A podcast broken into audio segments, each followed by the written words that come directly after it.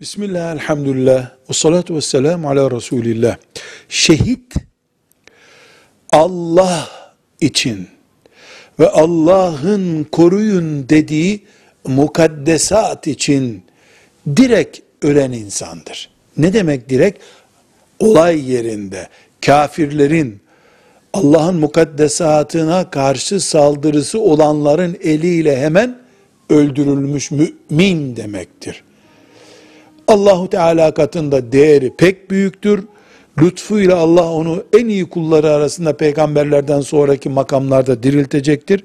Ama şehitlik filancalar ne maksatla kullandığına bakmadan biz özellikle ne diyoruz? Şehitlik. Peygamberlik makamından sonra Allah'ın mümin kullarına lütfettiği en büyük makamlardan biridir.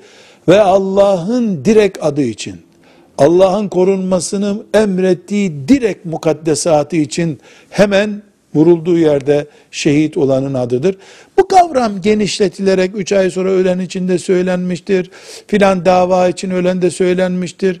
Bilhassa İslami çalışma yapanlar kendi adamlarından şurada buldu öldürülen için şehitlenmiştir.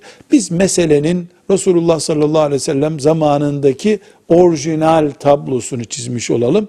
Kullanımı genişlemiş bir kavram olması aslını değiştirmiyor.